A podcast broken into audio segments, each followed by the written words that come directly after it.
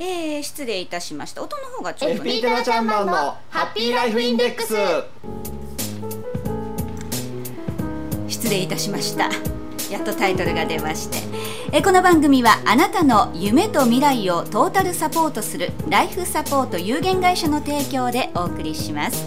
私たちと一緒に明るい未来幸せな生活を送るための心の豊かさについて考えてみませんか？引き続きお話を伺います一級ファイナンシャルプランニング技能士ライフサポート有限会社代表日本メンタルヘルス協会公認心理カウンセラー棚橋久則さんです。よろしくお願いいたしはい、ます、内さんよろしくお願いいたします。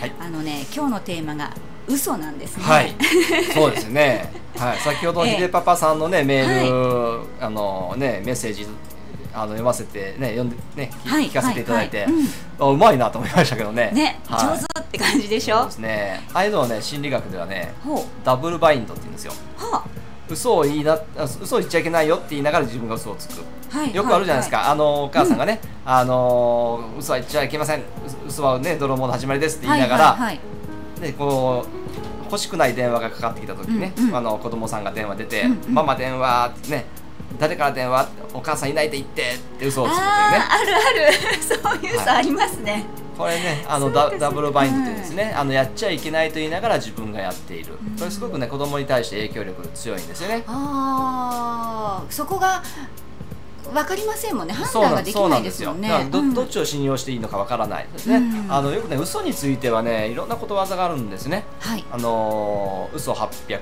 うん。これは悪い方ですね、はい。嘘をついちゃいけないよということですね、えー嘘も方便、はい。これは嘘もあのね場合によってはいいんだよっていうね、はい。これこれこそこれもねダブルバインドかなと思いながらですね、うん。あのまあ使っね私も使い分けているところはあるんですけれども、はいはい、うん。あのやはり子育てに関してはダブルバインドすごく子供に対する影響大きいんですよね。あーじゃあしええ。しない方がいいですか？そうですね。はい。お母さんいないって言ってって。そうですね。はい。ね、あのー例えばですね、こういうご相談もあったんですね。うん。あのー子供さんがなかなかこうもう何をやらしてもうまくできない。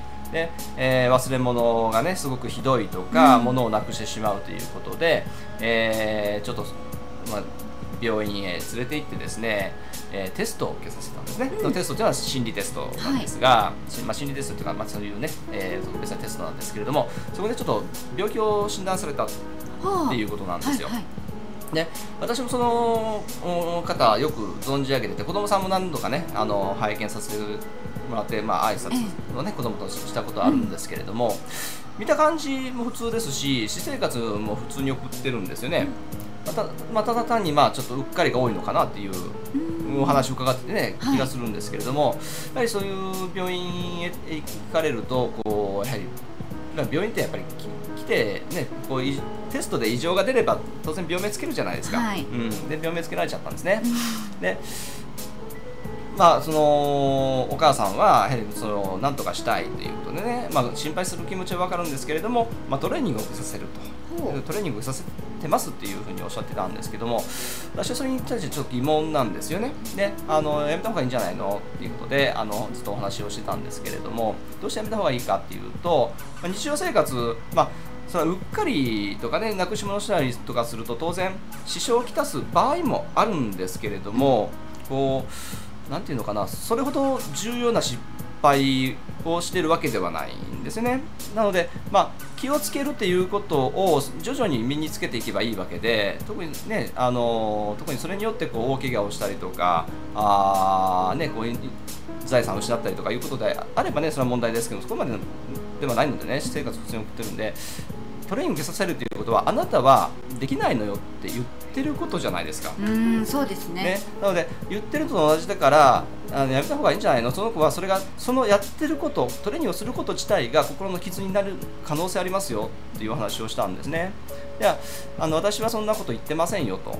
あのあなたはできないからとかそういう、まあ、病名ついちゃったんで障害、まあ、精神的な障害ですよね、えーあ持ってるとかそのその子に直接言ったことありませんって言われたんですが当然言葉では言ってないんですが行動が言ってるんですよね。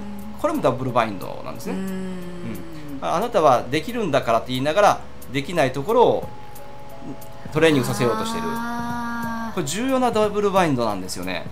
そうですよね、はいうんそういうことって職場でもありますよね。あるんですよね。ね、おあの、はい大人になってからもありますよね。そうなんですよねうん。だからあのもちろんねそのできないところもねなんとかしなくちゃいけないまあ親としてねやっぱりそのそこが心配っていうのはわかるんですけれどもその子にもその子にしかできないことその子の得意なことってあると思うんですね。うんそこを伸ばすトレーニングの方に目を向けていってもらえたらなっうんていう話もねちょっとしたことあるんですけどあね。の勉強だったりね、はい。はい。あの特技ってあるじゃないですか、うん子供の頃から、はい。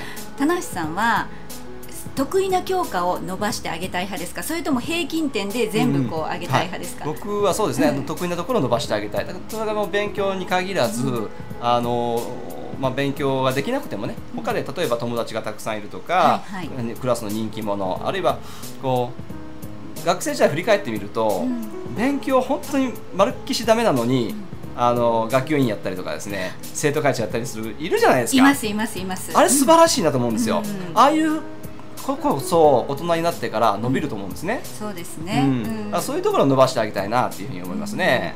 であの勉強ずっとしてなくて、あまり勉強が得意じゃなかった子が、うん。ある日突然ねはいはいはい。高校受験で目覚めて、うん東大に入っちゃったはい人ともやっぱ周りにいるんいますね。ですよだからえ気づいて自分が何かしない、うん。しようって思わえないとなかなかね。そうなんですよね。うん。だからね、あの心理学でもあるんですね。その、はいはい。マイナスを強制するよりも長所を伸ばす、長長所進展法、そちらの方のがあの人は伸びるんだよ。っていうことはね、あの心理学でもね、あの言われてますので、その長所進展法っていう方をね使って、えーいけばね、うん。あのまあみんなまあ子供に限らず誰しも伸びていくと思うんですね。だからそれにうん。伴って長所が伸びることに伴って、うん。他のものも一緒にね。そうです。ね短所がね、うん。あのなくなっていくんですよね。なくなるというか見えなくなっていくんですよね。不思議ですようんね、そうなんですよね。うん。えなるほどね、はそうか。じゃあ私もうんあの自分のことをねダメだダメだって責めがちなんですよ、うん。何か失敗すると、うん。ああダメこれがダメそれがダメまだまだだわっていうはい。気持ちになっちゃう方なんですね、うんうん。はい、それはあまりよろしくないですね。そうですね、うんあのもちろん失敗とか自分に不得手なことってありますよね、はいあります。ね得意じゃないこと。でも得意なこともいっぱいあるわけじゃないですか。ありますそこにねか ああの当然ねまあお仕事ですか？ら当然ですけどお話も上手ですしね。機械操作がね。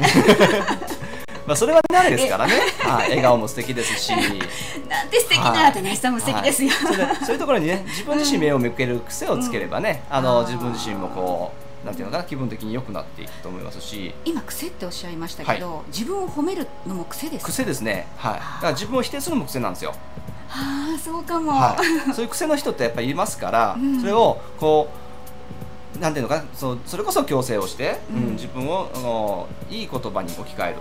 でいい言葉を使いましょうっていうと私はダメじゃないっていう人もいるんですよ。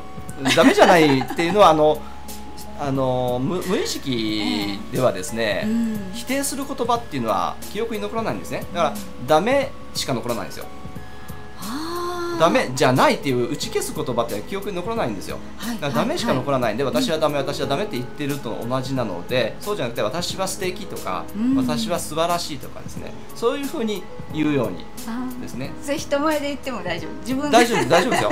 あのよくですね、子供に、えはい。あ子供がね、お手伝いでこうお茶を運ぼうとした時に、うん。こぼさないでねって言うとこぼすじゃないですか。ああ何なんでしょうね上手に持っあてってねって言うとこぼさなずに上手に持っていくんですよね。あれって無意識の間無意識の中に埋めあの刷り込まれるんですよあれ。あこぼしちゃダメこぼしちゃダメこぼしちゃダメ、あこぼしちゃったっていう形ですね。そうそうそうですよね。何かあの出か急いで出かけようとしてる時に、あのこれしてほしくないなっていうことをちょっと言葉に出すと、うん。子供さんがね、うん。トイレに行きたがったり、うん何か忘れ物をしたりこけちゃったりってよく聞きますもんね、はい。親御さんにね。そうなんですね、うん。はい言葉を変えることですね。なるほど、い。じゃああのそのまますんなり出るよとか。そう。ですね。そんな感じで。忘れ物はない、はい。あそうか。ダメか。それは打ち消しの言葉か。なかなか難しいですね難しい。言葉を選ぶってすごく難しいですけどね、うん。うん。まずじゃあそれもはい。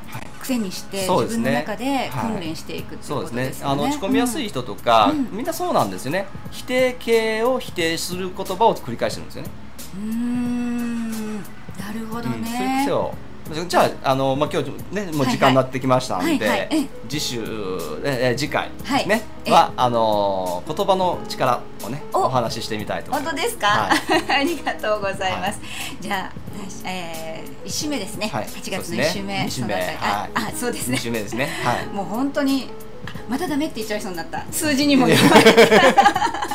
まあまあこれはねあのえリズムは慣れまだ1ヶ月しか経ってませんもんね。あらありがとうございます、そういう許す心も大事 ありがとうございます。ありがとうございます。じゃあまた次回にそのお話を伺いたいと思います。はいありがとうございます。タナちゃんマンのハッピーライフインデックス。この番組はあなたの夢と未来をトータルサポートするライフサポート有限会社の提供でお送りしました。今日も一級ファイナンシャルプランニング技能士ライフサポート有限会社代表日本メンタルヘルス協会公認心理カウンセラー棚橋久則さんにお話を伺いました。ありがとうございました。